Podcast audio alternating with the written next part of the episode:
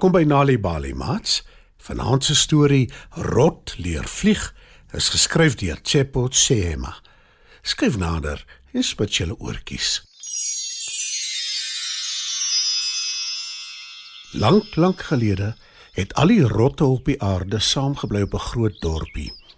Hulle het mielies, vrugte en groente bymekaar gemaak uit die boere in die omtrek se landerye om te kan eet. Maar daar was so baie van hulle dat die kos nooit genoeg was nie. Aan die ander kant het die voëls en die vlinders nie die probleem gehad nie. Hulle het altyd genoeg kos gehad. En dis toe dat Marius die rot wat die situasie fyn dopgehou het, besluit om die voëls en die vlinders te vra hoe hulle dit regkry om altyd genoeg kos te hê. Marius draf al met die voetpad langs deur die bos naby hulle dorpie en daar ontmoet hy vir Swaalkie. Hallo Swalkie. Groet hy vriendelik. Hallo Marius. Groet Swaalkie terug. Marius se maag grom van die honger. Hy huiwer 'n oomblik en toe vra hy vir Swaalkie. Is dit moontlik dat ek van jou mielies kan kry? Ek is verskriklik honger. Swaalkie glimlag vriendelik, maar sy skud haar kop en sê: Jammer Marius. Ek kan ongelukkig nie my kos met jou deel nie. Ek moes ver vlieg om dit te kry.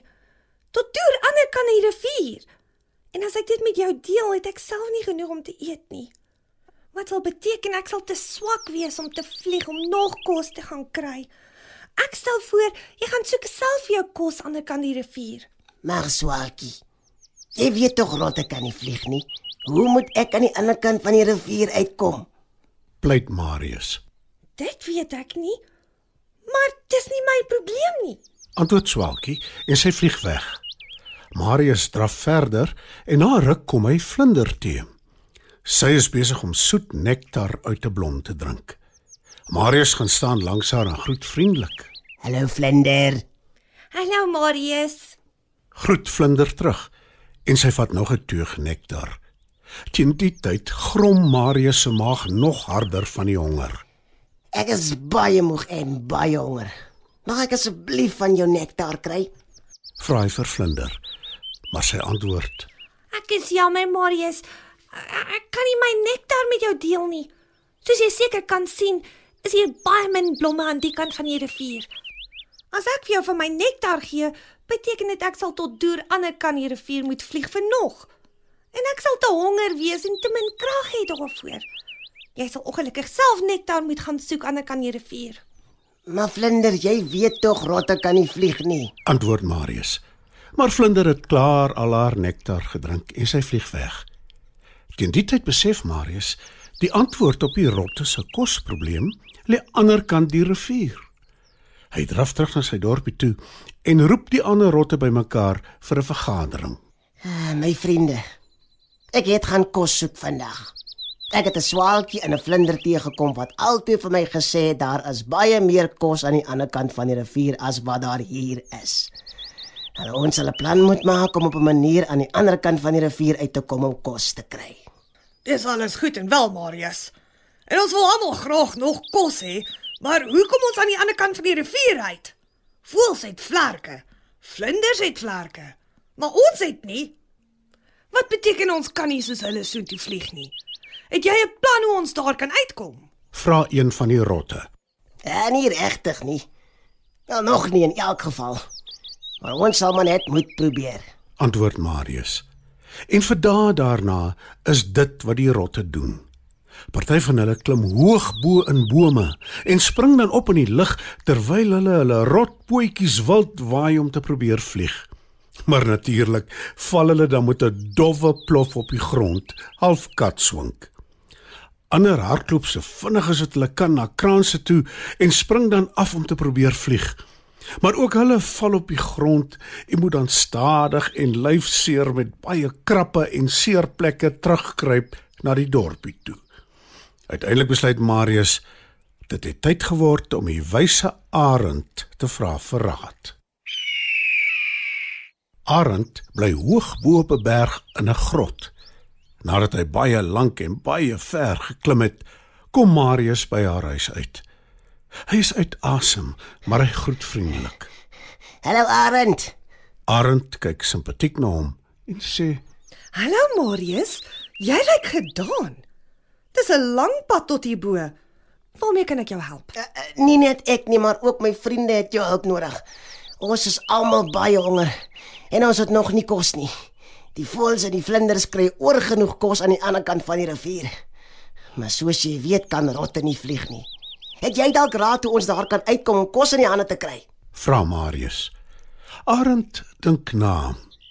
Toe gee sy vir Marius 'n klein bottel en sê: Drink dit wanneer jy by die huis kom. Jy sal sommer gou-gou vlerke groei en dan sal jy kan vlieg nes die voëls en die vlinders. Marius bedank die arend en klim af teen die berg. Maar hy is te opgewonde om te wag totdat hy by die huis is en hy drink sommer dadelik die inhoud van die bottel. En so waar, daar groei onmiddellik vlerke uit sy lyf. Hy flap sy nuwe vlerke en dadelik is hy in die lug besig om te vlieg. Hy vlieg tot ander kant die rivier en maak soveel kos bymekaar as wat hy kan. Dis nou nadat hy self eers heerlik geëet het. Toe vlieg hy terug na sy vriende toe met die goeie nuus.